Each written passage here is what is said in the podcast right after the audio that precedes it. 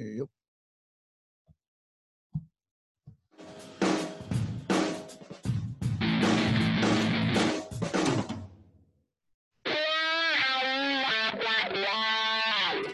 welkom bij de Cultuurpers podcast uh, aflevering. Inmiddels ontelbaar, en dat is ook maar goed ook, want er is ontzettend veel te vertellen. Um, vandaag heb ik aan de lijn Alexander Plooi. Alexander Plooi stuurde mij een mail, weer op een reactie op een mail die ik stuurde naar de leden van de Cultuurpers. Namelijk over waar het op mis is gegaan in de lobby en hoe het beter zou kunnen. Dat was eigenlijk een beetje de vraag. De, de, de, qua handen in mijn haar zitten, nou, heb ik niet heel veel haar meer, maar uh, dat komt daar ook door. Um, waar moet het naartoe met de lobby? Want dat er iets fout is gegaan, dat blijkt dan wel weer in Brabant, waar uh, nou ja, de, de, de, de, Forum voor Democratie de lokale om de vinger heeft gewonden, wat we zo'n beetje kunnen, kunnen constateren. Dus uh, de, de, Leiden is in last, of nou, eigenlijk heel Nederland is in last, want gaat de verkeerde kant op met de cultuur. Ook met de gesubsidieerde cultuur, maar ook met de gewone cultuur. Um, er is wat mis. Alexander Plooi, jij had een oplossing. Eerst even vertellen wie je nou, bent. Ja, uh, Alexander Plooi, 56 jaar. Uh, werkzaam geweest uh, lange tijd in de cultuursector, maar ook in het bedrijfsleven. Op de, dit moment weer werkzaam in het bedrijfsleven met een organisatieadviesbureau en een executive search bureau. Um, hoofdzakelijk eigenlijk in de, in de, in de foodsector en, um, en aanverwante sectoren eigenlijk. En daarmee bedoel ik ook uh, sectoren die toelevering zijn van uh, engineering, maar ook productie en grondstoffen voor de, voor de voedselproductie. Um, maar nogmaals, ook nog steeds praktiseerd trompetist en muzikus en zeer begaan met, met de cultuursector. jaren geleden zelf ook zeer dicht betrokken bij de lobby binnen de cultuursector. Ik ben, heb zitting gehad binnen de cultuur, uh, of de partijcommissie Cultuur en Mediabeleid voor de Eerste en Tweede Kamer vanuit, in dit geval was dat van de VVD. Volledig onder vuur gelegen eigenlijk destijds, met name eigenlijk ook in het kielzop van Halbe Zijlstra. Oké. Okay. Veel gesprekken geweest, of veel debatten geweest, ook in Melkweg destijds in Amsterdam, die volgens mij door Kunsten 92 was dat volgens mij,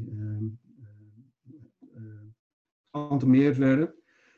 Dus uh, ja, veel meegemaakt. Maar ook vanuit deze positie, of die positie destijds, ehm, heel veel uh, politici kunnen spreken, heel veel documenten kunnen doorlezen, dus heel veel kennis en cijfers tot me kunnen nemen. ook veel ehm, mensen binnen de cultuur kunnen spreken. En bijvoorbeeld ook onder andere ook Tom de Rooij in de tijd, die directeur was bestuurder bij, bij Kunstfactor.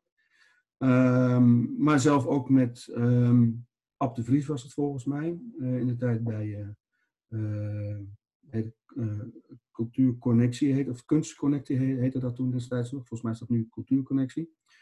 Um, dus heel breed in het, in het veld uh, geparticipeerd. En zelf toen destijds ook nog uh, directeur van, uh, van de muziekschool in Veenendaal. Of oplezen, zeg ik altijd. Oh, de grootste gemeente van Nederland. Oh nee, dat is Ede, maar... ja, precies. Ja, wel ondernemend, maar ja, heel, heel, um, toch wel um, meer dan ik dacht eigenlijk een zwaargelovige omgeving, gereformeerde en omgeving. En daar kunst toch een andere, um, re daar resoneert kunst toch anders dan bijvoorbeeld in, in het zuiden des lands, in katholieke omgeving, waar ook uh, gezellig het, het wijnglas gegeven wordt. Oké, nou dat is een hele staat van niet. Maar je hebt dus tijdens Halbe Zelstra in, uh, in een denktank van de VVD gezeten, begrijp ik dat goed? Dus, ja, ja. Ik heb het Het is een hele bijzondere tijd, moet ik zeggen. Want dat was ook de tijd dat het VVD-beleid zeg maar echt zichtbaar omsloeg van zeg maar de, de, de, de, de jazz spelende saxofoon uh, uh, spelende VVD'ers die ruitjes blouses of ruitjesjasjes naar, naar zeg maar ja, toch wat hardere lijn van de VVD uh, uh, die daarna gekomen is. Ja, en daar zit wel, maar goed, dat, daar kunnen we het ook over hebben. Ja. Uh, en nogmaals, ik spreek um, al titel personeel mm -hmm. namens de VVD, maar um, de mensen waarmee ik bij betrokken was, um, en even los van Halbe Zijlstra als zodanig, waren wel, want we zaten meerdere mensen vanuit het culturele veld als directeur en bestuurders in de partijcommissie. Okay. En ook vanuit media. Dus het was een breed schade aan mensen. En ik zat met name, was ik verantwoordelijk voor, het, voor de reflectie educatie. Mhm. omdat ik ook destijds directeur was van, van de muziekschool en vanuit het educatieve veld eigenlijk ja. kon beschouwen. Maar nogmaals, VVD, ruitbloesjes en saxofoon, uh, dat ken ik. En uh, veel Dixieland werd er gesproken, gespeeld destijds ook. een bepaalde oudbolligheid waar die ook wel waar afscheid van genomen is. Um, toch is het binnen de VVD zelf, um, snap ik natuurlijk ook dat alle pijlen en alle bijlen gericht waren en zijn op de VVD. Maar toch was het ook wel zo in het, um, in het veld, het VVD-veld, waren toch wel uh, liefhebbende kunstbroeders, uh, waar het niet dat een stukje liberalisering ook een, een, een factor was van, het, van de partijgedachte. Dat men kunst wel belangrijk vindt, maar ook uh, daar uh, zei van ja, waar, waar, de sector zelf het kan verdienen, hoeven wij niet te subsidiëren per definitie. En, dat moet ik nog één ding bij zeggen, wat veel mensen niet weten, denk ik, en dat sentiment zie ik ook veel voorbij komen. Er moest volgens mij toen destijds 29 miljard bezuinigd worden, 2008, 2010. Ehm, de eerste de crisis kwam toen uh, hoog op, opstomen. En ehm, daar is toen ook vanuit de cultuursector ook wel in Den Haag gesproken van hoe kwetsbaar de sector was. Ehm, maar men zei ook, in de zorg moet ook bezuinigd worden, want 29 miljard was een enorm bedrag was dat. En men zei, ja, het moet evenredig, moet het, iedereen moet inleveren daar. En iedereen moet een bijdrage leveren aan, aan, aan, aan deze bezuiniging. En als ik het goed heb, is het in kabinet Rutte 1, wat een gedoogkabinet was met de PVV, ehm, waar ik persoonlijk ook helemaal geen voorstander van was. Ehm, maar dat kwam tot stand omdat toen met Job Cohen uh, de PvdA ehm, moeizaam aan het bewegen was en uiteindelijk toch een kabinet gevormd moest worden.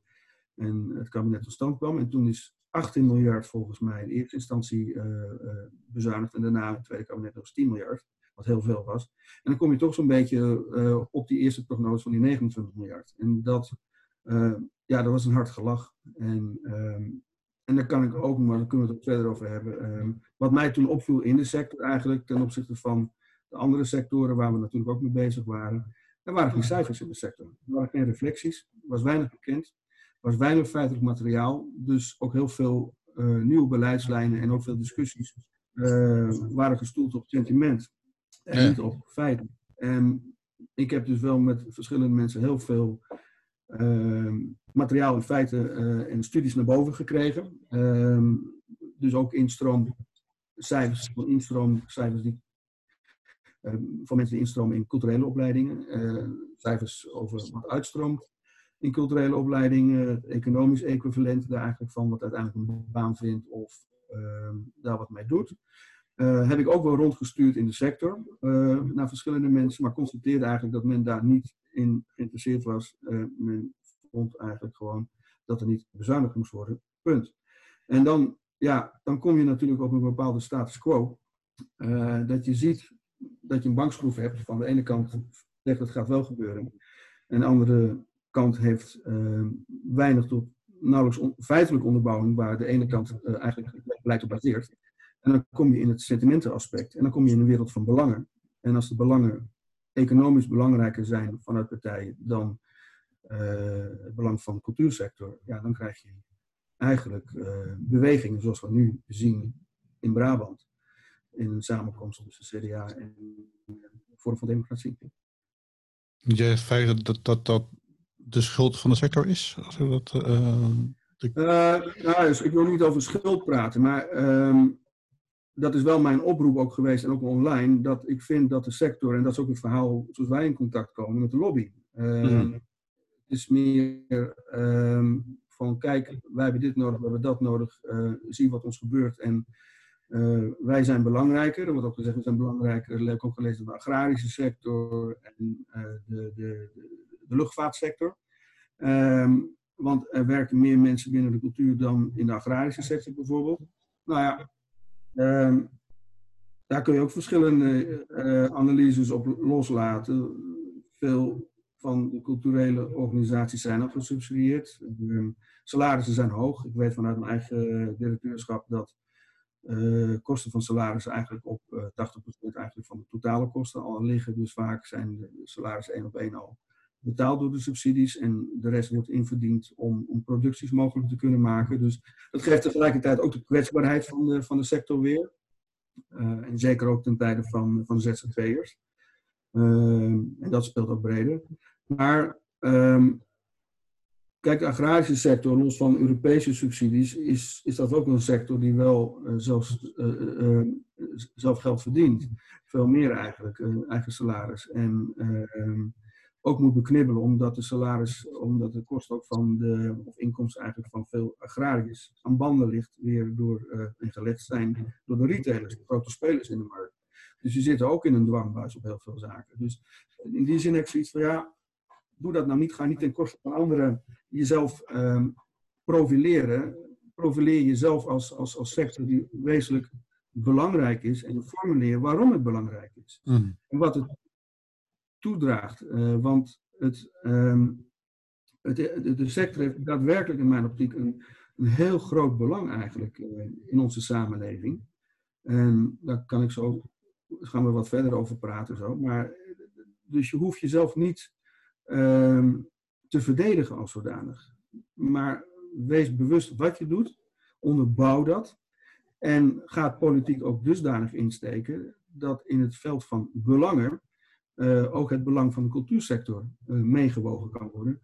Uh, en niet in één streek weggeveegd kan worden, omdat men het belang niet ziet of dat het niet onvoldoende geduid wordt. En dat is eigenlijk de opstap eigenlijk naar de discussie van de lobby zou eigenlijk anders moeten. Ja, ja, het is toch al wat wat je zegt. Op zich was het ook wel wat, wat ik in, in het artikel wat ik schreef op de, op de cultuurpers uh, natuurlijk ook wel een beetje al van, van, van de, je, bent op het verkeerde veld aan het voetballen eigenlijk. Dat is de, uh, wat, wat, wat, ik meen. Maar je hebt feitelijk van ook van wat natuurlijk tegen de situatie werkt, is van dat, dat er weinig behoefte was in het begin van de, van de lobby aan cijfers en aan harde, en harde getallen. Nu is er bijna een, een soort uh, overdaad aan cijfers en, en getallen die verkeerd gaan.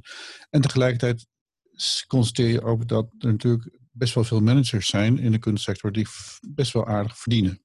En, en dat dat maar misschien scheve ogen werkt bij ja, de populisten of, of, of, of de, de, de, de, lokale partijen die nu dus ook in, in, in Brabant zeg maar, de, de, een soort revanchistisch beleid voeren. Want dat is dan natuurlijk aan de andere kant gebeurt dat ook. Van, van dat, nou ja, dat ze partijen zo tegen elkaar, tegenover elkaar staan dat er eigenlijk geen tussenweg meer mogelijk is. Nee, verdienen is ook nog een, een aspect. Hè. Ik ken dat ook wel, die opmerking vanuit, uh, vanuit Venendaal, waar ook uh, veel uh, populisten de macht grepen. En ehm, het rondtoeteren van, van ehm, one-liners eh, is ook wel eh, eh, cultuurgoed geworden. Ehm, en ik moet eerlijk zeggen, daar is uiteindelijk ook wel in Venendaal in dit geval duidelijk geworden toen uiteindelijk dat, dat de goed betaalde bestuurders vaak ook volledig meewerkende voormannen zijn en heel veel uren maken. En uh, dat dat geen mensen zijn uh, die als uh, Louis XIV op, op, op plus zitten ja, ja. en zich laten verteren. Laat dus, ja, het is, het is veel, het werk en de dingen zijn vaak veel gecompliceerder. En, maar op het moment dat je dus afhankelijk bent van subsidie, volledig, zit je ook vaak in, in, in die spagaat. En ben je ook afhankelijk van populisme die naar de, naar, naar, naar, op basis van in sommige gevallen totale onjuistheden, uh, toch het sentiment aan hun kant krijgen. Nou, en dan is het toch heel wrang. Ja. Dus we zitten in een frame. Ja. en hoe, uh, hoe komen we uit die frame? Wat, wat, wat is. Of... Nou, het frame ben ik zelf al wel mee begonnen destijds. Omdat, um, kijk, het is niet een, een, een, een, een quick oplossing die ik, die ik heb.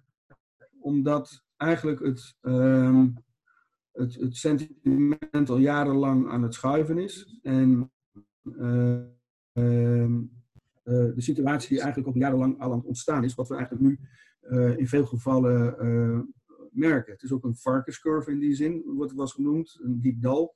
En uiteindelijk, als men ziet wat er allemaal kapot in weg is, dan komt men tot inzicht en dan wordt het weer omarmd en wordt het weer opgebouwd. En dat is doodzonde eigenlijk. Ja. Maar ehm, waar ik destijds vanuit de partijcommissie mee begonnen ben, is een amendement geweest van mij uh, over het belang van cultuur en cultuureducatie in het bijzonder. Uh, cultuureducatie is de basis van onze culturele samenleving. En uh, ik zag toen ook dat de, culturele instellingen als zodanig, uh, even kort door de bocht, redelijk elitair waren, subsidie kregen. En eigenlijk het, het hoeveelheid mensen die wij ehm, bedienden relatief weinig waren eigenlijk. Los van het aantal uren dat we ze bedienen als je naar, naar lessen gaat kijken. Ehm, toen dacht ik, ja, dat wordt wel een heel smal electoraat eigenlijk, waar, wat in contact komt met cultuur en cultuureducatie.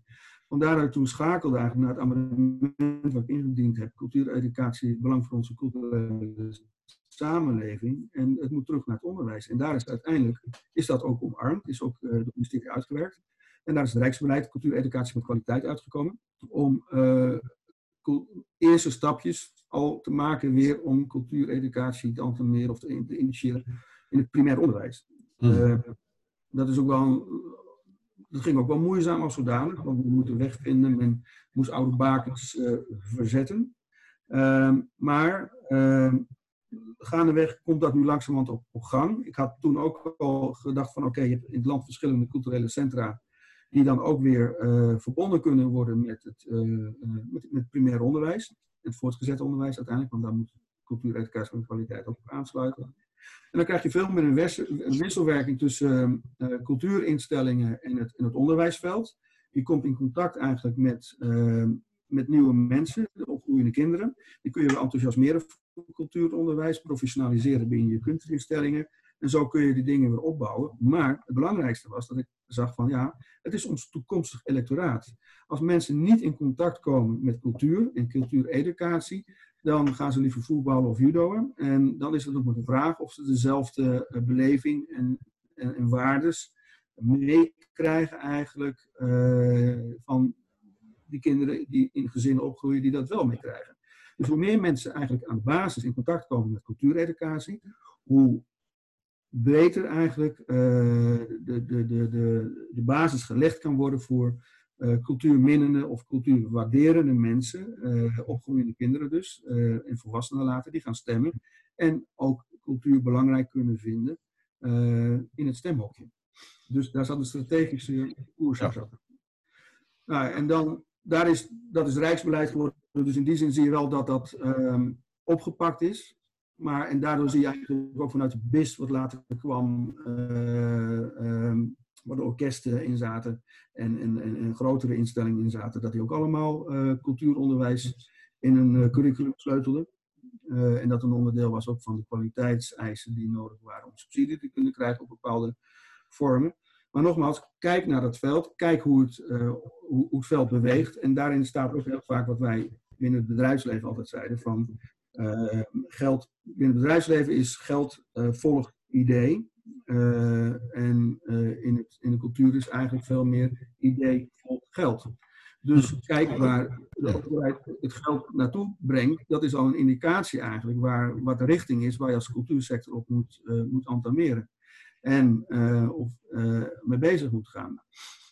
en daarnaast hoef je niet als een slaafje of slaafs overal achter te lopen blijf niet, even gechargeerd gezegd, op je eiland zitten in het cultuureiland zijn. Maar uh, meng je tussen andere partijen, ga zelf de politiek in, laat je stem horen, veel meer nu dan nu. Ja, want. want Wel niet van de. Uh, uh, ja, want. Ja, de. de, de uh, um, ik denk dat mijn hond zich in, de, in het gesprek, maar goed, dat los op. Nee, maar wat je eigenlijk zegt, en dat is super interessant, is natuurlijk dat, dat, dat uh, de kunstenplansystematiek waar we sinds uh, Heden Kona eind jaren 80 in, in, in, in zitten, is dat er elke vier jaar formuleert een minister een uitgangspunt. En uh, daar voegt zeg maar, de cultuursector zich naar uh, niet inhoudelijk, maar wel van, nou, dit, dit keer ondernemerschap uh, belangrijk, dan is diversiteit belangrijk. En, en, en, zeg maar, dus dan, voegt, dan volgt het idee, zeg maar, de geldstroom van uh, hier gaan we op letten, dus gaat de cultuursector zijn aanvragen die kant uitschrijven. En jij zegt eigenlijk, het zou andersom moeten. De cultuursector ja. zou gewoon zeggen van wij, wij, wij zijn hier, dus een soort zelfbewustzijn. En, en nou, zien jullie maar hoe je dat geld krijgt, naar, naar ons toe krijgt. Dat is een dat is inderdaad een, een heel bedrijfsmatige aanpak, maar staat natuurlijk diametraal tegenover de politiek die dus die kunstplannen vrij helder voorschrijft. Ja, ja, is wel, je hebt wel te maken met volgens mij de Raad voor de Cultuur, waarin ook mensen uh, afstemmen eigenlijk met sectoren en advies eigenlijk um, geven. En uiteindelijk komt daar een plan voor. Maar ik ben verder gegaan nog, want een deel van het verhaal waar ik afgelopen drie jaar nog mee bezig ben geweest. Omdat ehm, dit in Den Haag gerealiseerd te hebben, lopen ook in het politieke veld, ook op lokaal niveau, kwam ik er ook achter eigenlijk dat uh, wanneer ik in de gemeenteraad mijn pleidooi moest houden voor het uh, van subsidie, was dat niet makkelijk. Omdat ehm, het toch, wat nu ook wel in, in Brabant gehoord wordt, ehm, tussen toerisme en vrije tijd wordt uh, geschaard. en waarom moeten we daarvoor betalen? was er weinig munitie eigenlijk om dit soort uitlatingen eigenlijk, of dit soort, ideeën eigenlijk uh, te kunnen pareren. En dat heeft geresulteerd in dat ik afgelopen drie jaar heel ver in de neurologie ben uh, gedoken. En dat heeft ook te maken met, omdat ik in Venendaal directeur was en merkte dat ik daar met veel leerlingen van doen had die wel hun nootjes speelden en lessen deden. Maar ik hoorde geen bezieling. En hmm. ik weet dat ik op muziekschool in, uh, in Bussum hier uh, moest uh, jureren. En daar zaten, zeg ik wel altijd, wat leerlingen op een trompetje te knetteren. En daar hoorde ik het wel. En toen dacht ik van, jee, wat, wat, maar wat is dat verschil dan? Waar zit hem dat dan in? Ja. En dat heb ik ontdekt. Ik ben samen met Kees Blazer, hij, neuropsycholoog en hij is medisch fysicus uit Loosdrecht. Uh, we hebben elkaar gevonden na, een, na aanleiding van een andere iemand die ik, uh, een professor die ik in Amerika gesproken heb. En uh, met Kees ben ik verder op onderzoek uitgegaan en heb eigenlijk het hele neurologische aspect van kunst blootgelegd. En wij zijn nu bezig om daar een, publicatie ehm, in te ontwikkelen. Dus ergo, de tekst is klaar. We zijn nu aan het kijken van welk tijdschrift we zouden willen plaatsen. Maar dan gaat het met name eigenlijk om, weer terug te komen op mijn pleidooi uh, in de gemeenteraad, dat ik het feitelijk wetenschappelijk kan onderbouwen. Wat kunst doet, hoe het werkt in ons, hoe we waarnemen, maar hoe ook we kunnen creëren of scheppen.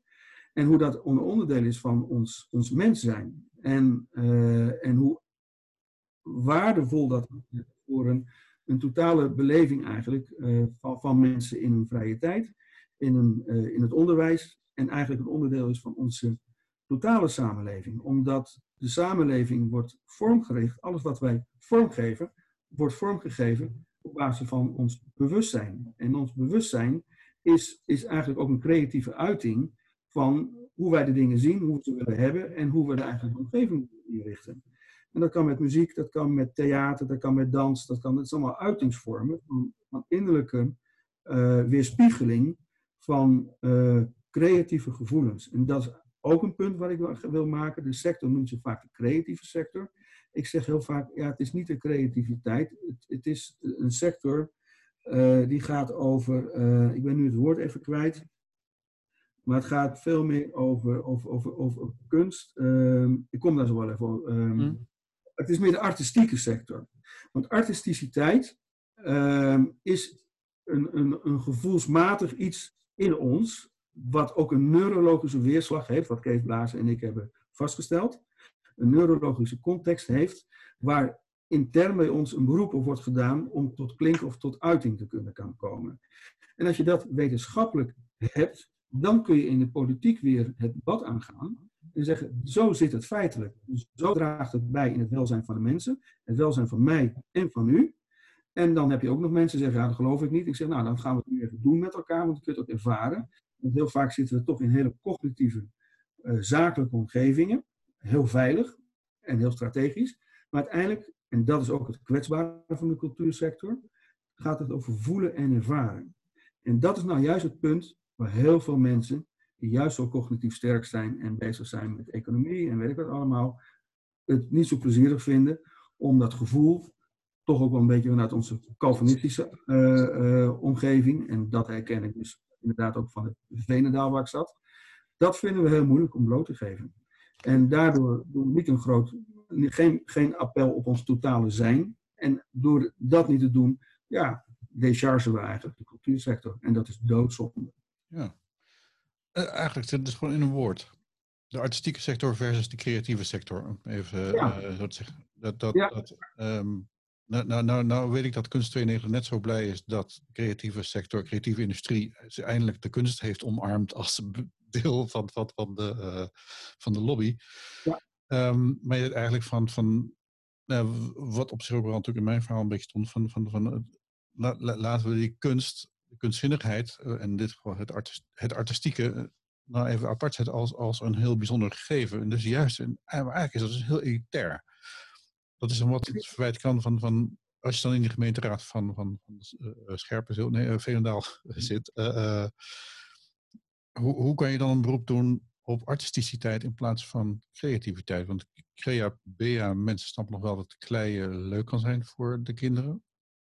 Maar als het dan gaat van dat, dat, dat, dat ze vader Jacob bezield kunnen spelen in plaats van de noten, dat is een, een, een ander verhaal. Ja, maar dat is een heel wezenlijk verhaal. Het is echt een heel wezenlijk verhaal. Hier ligt de kern, in mijn optiek dan, en ook van Kees Blazen, voor de legitimering, de pure legitimering van de kunstsector. Uh, ik ga daar niet alles over zeggen, omdat het, het, heeft veel tijd gekost en heel veel bloed, zweet en tranen. En ik heb door diepe dalen moeten gaan om, het boven te kunnen krijgen, want het is ook een onderdeel geweest van mijn eigen proces om uh, tot inzicht te komen hoe het zo gekomen is dat ik daar uh, leiding ben gaan geven en tegen dingen aanliep die eigenlijk totaal niet bij mijn natuur passen. Uh, maar in kern heeft het met ons autonome zenuwstelsel te maken. En, ehm, en dat betekent eigenlijk dat door artisticiteit te bedrijven, komt er een bepaald proces op gang, waardoor creativiteit tot ons komt. Kijk, het is dus een voorstadium eigenlijk, zeg maar. Dit is, de oer. Exact. Het, het, het, is onlosmakelijk met elkaar verbonden. Uh, en uh, wij zitten veel te veel ook in ons denken, de cognitieve, terwijl ik ook altijd zeg, het Eureka-effect van Archimedes is in bad zitten en opeens denken, Eureka, zo zit het. Even er niet aan denken, zeggen we heel vaak. En juist het denken is een omgeving waar het denken en de, en de wetenschappelijke onderbouwing heel lineair is. Uh, vaak het enige uitgangspunt, terwijl het maar een construct is. Ja. Um, nu, zien wij meestal artisticiteit als een gevolg van creativiteit. Jij ziet het eigenlijk precies andersom. Um, ja. En, uh, maar nou, nou, ik vind het een prachtig verhaal overigens hoor, moet ik zeggen. Dus, dus ik, ik, je hebt mij overtuigd. Maar hoe vertel je aan Klaas Dijkhoff of wie dan ook, zeg maar, bij de VVD op dit moment een heel wat jovialer idee over uh, uh, nou ja, over kunst en subsidies en, dat soort dingen heeft. En Lola, we hebben natuurlijk ook nog de woorden van Mark Rutte uit 2011, die natuurlijk ook weinig uh, empathisch sprak over, over de kunsten en, en over hoe, hoe, hoe breng je dit verhaal bij het nogal op, op, op de ratio gerichte Den Haag? Nou, um, in, in, mijn optiek is het. Um, kijk, de mensen die, die het belang zien van kunst en uh, dat aanvoelen, uh, die hoef je niet te overtuigen. Nee. Uh, maar, de, maar de mensen die juist overtuigd moeten worden, het belang en het economische belang, heb je die onderbouwing nodig, wetenschappelijke onderbouwing. Erik, Erik Scherder is daar wel mee bezig, ja. onder andere uh, ben ik nog goed te verstaan? Ja, je viel net even een tijdje weg, maar het gaat nu opeens weer heel goed. Dus ik weet niet precies wat er allemaal gebeurt met je geluid, maar uh, ik probeer dat later hier nog een beetje op te kalefateren, maar dan weet je dat in ieder geval. Ja, nou, Erik Sneller is daar natuurlijk ook mee bezig, maar die in mijn optiek goed bezig, maar beperkt zich redelijk tot het tot brein. terwijl Kees Blaas en ik daar toch ook wat aanvullende onderzoeken in gedaan hebben en dat het eigenlijk complementair is wat we, wat we hebben. Het is niet het ene, maar het is, het is en dit en dat, wat samenwerkt. Uh, en je zult daarin toch uh, de, de wetenschappelijke kant moeten pakken. Dat we in een hele rationele, uh, cijfermatige omgeving functioneren, economische omgeving functioneren.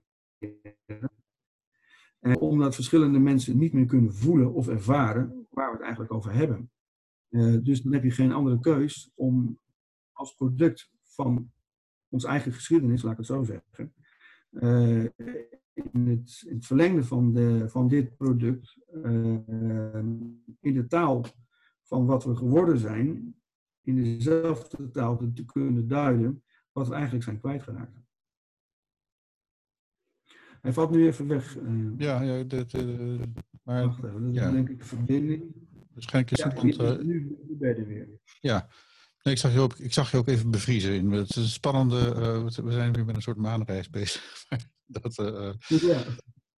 Um, de, wat, wat, kijk, laten we zo zeggen, de, de uh, politiek is natuurlijk vooral ook geïnteresseerd in, uh, in kansen en bedreigingen. En uh, redding van, van de economie voor, voor wat voor enge dingen dan ook. Als, als dat artistieke niet genoeg aandacht krijgt, en om, om, om zeg maar, wat, wat, wat, wat, wat voor risico loopt de samenleving? Ik kan misschien wel iets bedenken, maar. Um,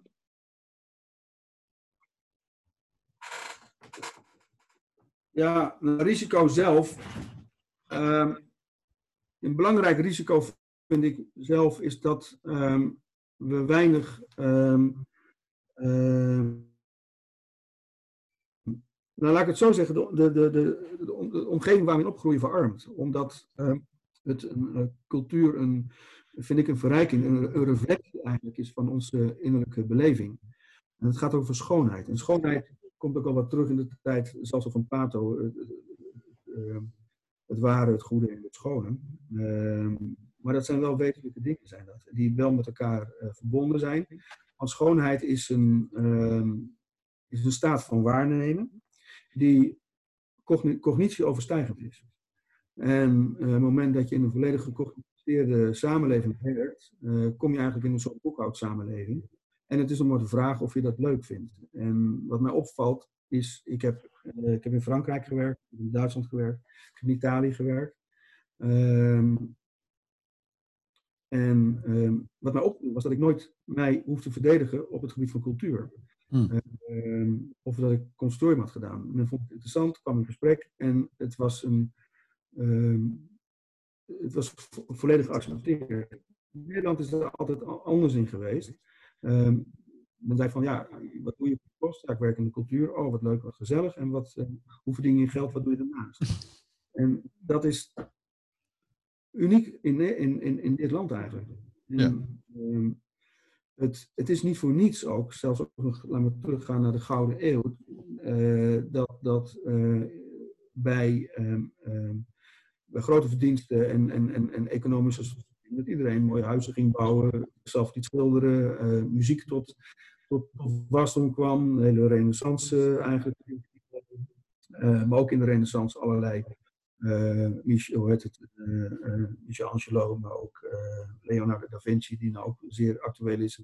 heeft ook medische onderzoeken gedaan. Dus het is een florerende tijd, is het. En die florerende tijd hebben we juist nu nodig in de tijd dat alles op slot gaat. En uh, langzaam weer uh, de economie op moet gaan bloeien. En op gaan bloeien heeft te maken met plezier hebben, uh, het leuk vinden, beleving hebben en energie krijgen om dingen te kunnen gaan doen. En dan gaat het ook over schoonheid en, en welbevinden. Dus cultuur is een, in mijn optiek nogmaals een hele belangrijke factor in dat geheel.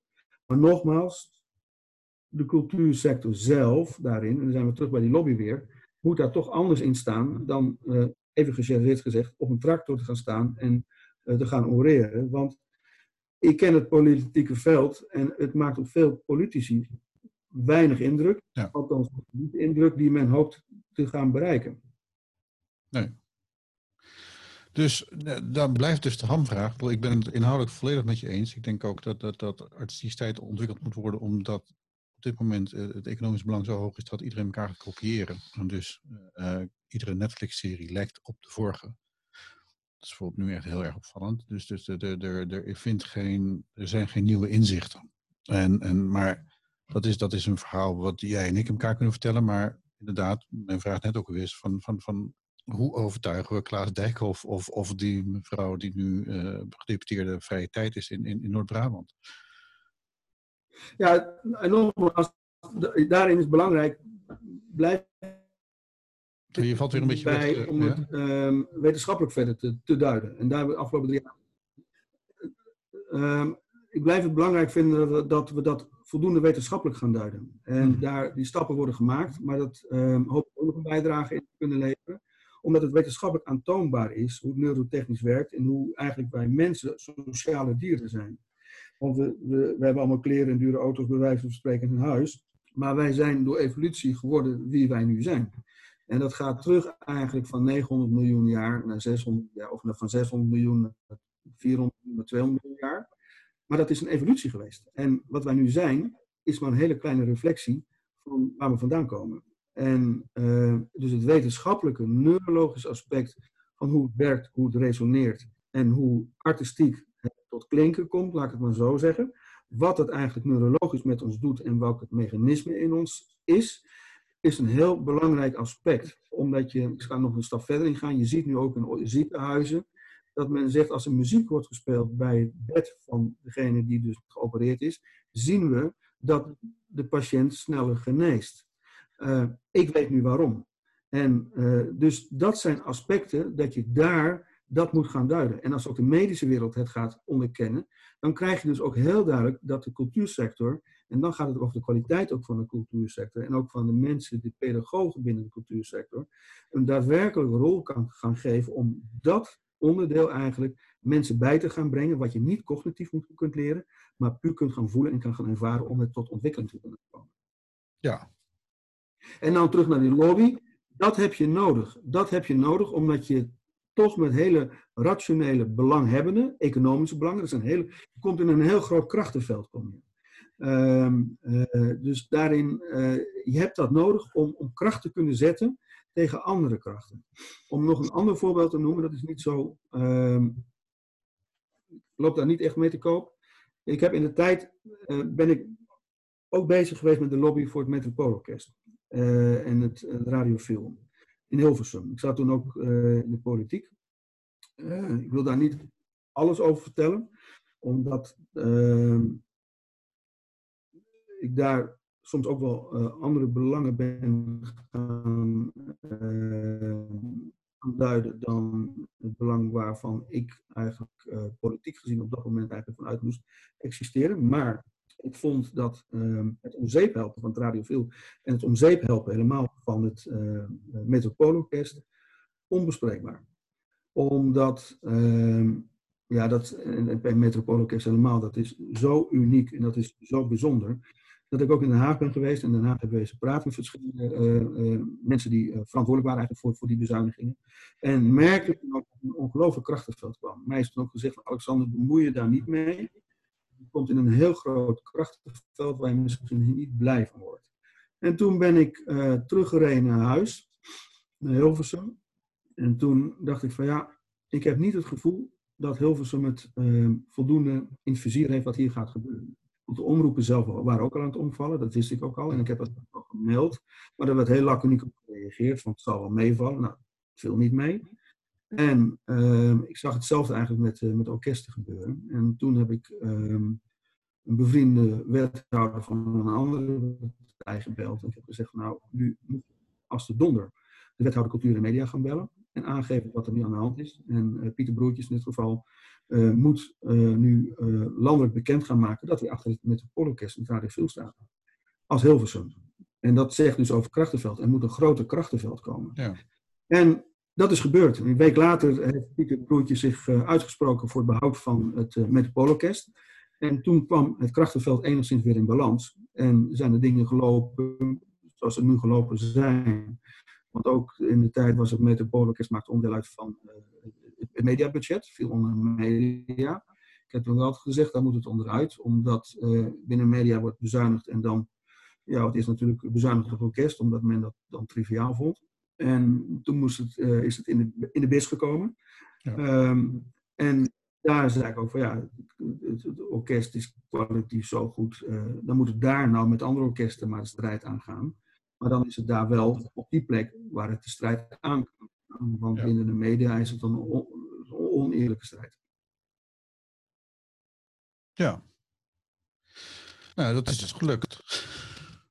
Dat is gelukt, maar het zegt iets over het krachtenveld. En dat zegt dus ook over de cultuursector waar ik zie van de lobby moet groot. Ze moeten, ik zeg ook tegen veel cultuurmensen die lopen te roepen, laat ik het maar zo zeggen. Ik zeg, word lid van een politieke partij, ga in de gemeenteraad, ga in het provinciebestuur of ga, zorg dat je in de landelijke politiek gaat. Maar hij is ook altijd een voorbeeld van, van de kunstschilder Rubens, uh, onze, onze zuidenbuur België, nu maar vroeger Vlaanderen. Die was toen ook uh, diplomaat. Ja. En uh, ging verder eigenlijk dan alleen zijn schilderskunst.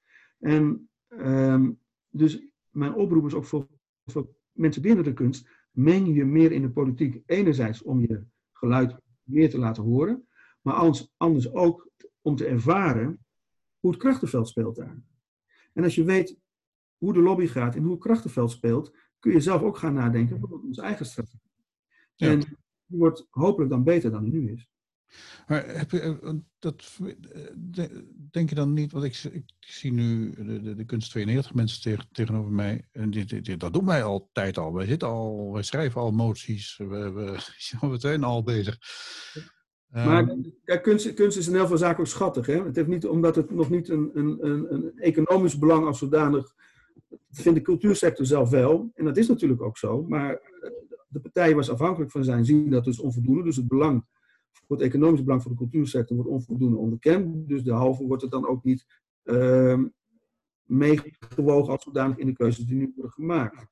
En uh, Kunst 92 doet zeker haar hun best daarin, maar uh, onvoldoende blijkbaar, omdat je ziet, blijft dus uh, geformeerd eigenlijk binnen de status quo die nu uh, bezig staat. En dat gaat heel langzaam. En daar wilde ik nog één ding over zeggen. Ehm, het, ik ken veel politici ook meegemaakt die uh, in het land zich uitspraken voor het belang van cultuur, maar Binnenhof dat geluid niet meer hoorde.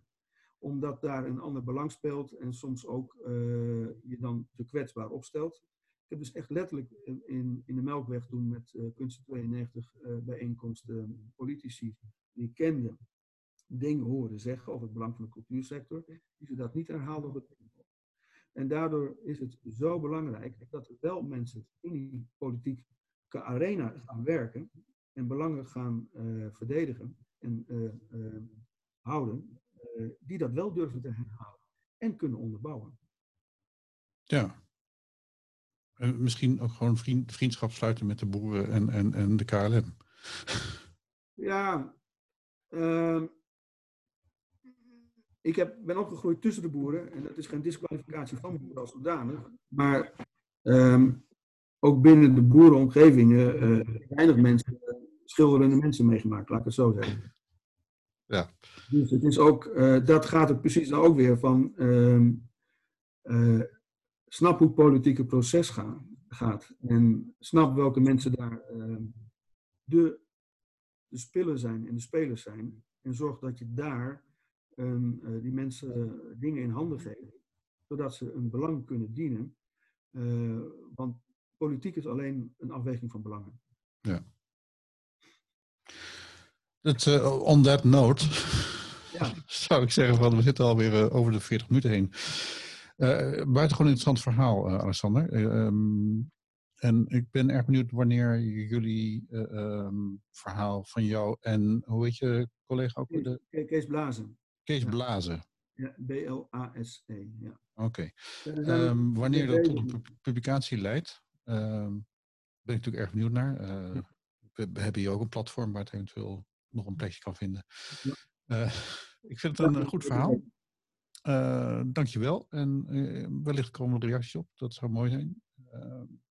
dat we naar elkaar gaan luisteren. En, en ja, een, een pleidooi voor het artistieke als als, als, als, als de, de kern van creativiteit in plaats van andersom. Ik vind dat wel een, uh, goede, goede, uh, goed uitgangspunt eigenlijk. Ja, en ik heb nog één ding, als het mag, tijd, ja. dat um, dat is ook vanuit mijn eigen werk, Connecting Fields is dat, niet om reclame te maken, maar um, wat wij doen is ook stakeholders engagement, dat met een duur woord. Uh, binnen politiek um, eerst het debat. En debat is contrair ten opzichte van de belangen. Wat wij doen met stakeholders engagement is eigenlijk via methodiek en een digitaal innovatief platform, is dat wij sectoren of stakeholders eigenlijk uh, aan tafel zetten en uh, met deze mensen tot een uh, gemeenschappelijk perspectief komen. Een collectief perspectief komen. En dan gaan we voorbij, dat is ook de methodiek van het vragen stellen en de strategie die we hebben, voorbij de mits, maar, dat kan niet, is geen geld en weet ik wat allemaal. We gaan voorbij daar, dat punt, en we komen tot een collectief perspectief, een collectief doel waarvan iedereen zegt, ja maar als dit zo zou zijn, dat zou fantastisch zijn. En dan wordt daar de vlag geplaatst en dan gaan we de vragen bedenken, ook met dezelfde stakeholders, en dat is ook de methodiek, want die vragen zijn nodig om antwoorden te vinden om in dat doel te kunnen komen. En als er vragen komen, en iedereen zegt de vragen zijn goed, dan gaan we via onze innovatieve techniek opschalen, zodat we heel veel verschillende stakeholders kunnen benaderen, tot wel honderden of duizenden, die antwoord gaan geven op vragen. En zo krijgen wij dus heel veel informatie binnen, die gedigitaliseerd wordt en omgeslagen wordt in tekst en inzichtelijk wordt. Real-time kan dat. Die bijdraagt om het gemeenschappelijke doel te bereiken. En dat is dus een andere aanpak dan de traditionele aanpak waar we al jaren in zitten. En daar, ja, dat is ook een van de bewegingen waar ik eh, in de cultuursector mee bezig ben om uh, daar ook ja, de deur op een kier te krijgen van ga met me in gesprek. Wellicht is dit een nieuwe manier hoe we met elkaar tot een perspectief kunnen komen. Nou, dat uh, klinkt goed. Ik ondersteun die oproep van harte. Um, we gaan dit online zetten. Uh, ik vind het een uh, goed verhaal. En uh, we gaan eens kijken of, of, of het mensen het kunnen opbrengen om de volle 45 minuten te luisteren naar dit gesprek. misschien dat als de registratie er leuk uitziet, dan komt het nog op YouTube. En een verhaal op de site. Um, dankjewel Alexander Plooi. succes met de met, met, met, met het werk en met, met het vinden van consensus- en coöperatiemodellen. Want daar gaat het eigenlijk om, als ik het zo heel kort samenvat. Um, en wie weet uh, praten we over een paar jaar heel anders over kunst. Dat zou mooi zijn. Absoluut. Oké. Okay. Dankjewel. Dankjewel Alexander. En ik zet even de zaak qua opnames stop. En dan spreken we elkaar nog even verder.